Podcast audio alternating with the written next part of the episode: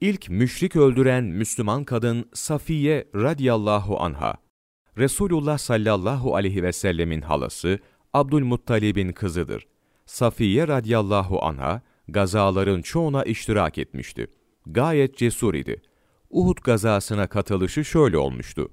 Resul Ekrem sallallahu aleyhi ve sellem Uhud savaşına gittikleri zaman kadınları ve çocukları Fari denilen bir kaleye götürüp onları Safiye radiyallahu anhaya emanet etmişti. Gece sabaha doğru Yahudilerin ihanetinden şüphelenen Safiye radiyallahu anha gözetlemeye başladı ve kalenin etrafında dolaşan karaltılar gördü. Bunlardan biri kapıya yaklaşıyordu. Bunun üzerine Safiye radiyallahu anha bir çadır direğini alarak aşağı indi. Yahudinin kaçmaması için kapıyı yavaş yavaş araladı. Birden çadır direğini Yahudinin başına indirdi.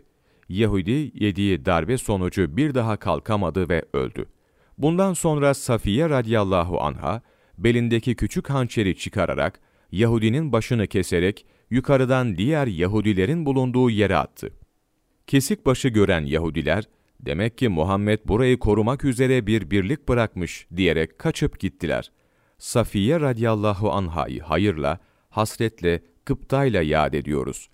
Bu husus temel siyer kitaplarından El-İsabe'de ve El-Bidaye'de müşriklerden birini ilk öldüren kadın olarak zikredilir.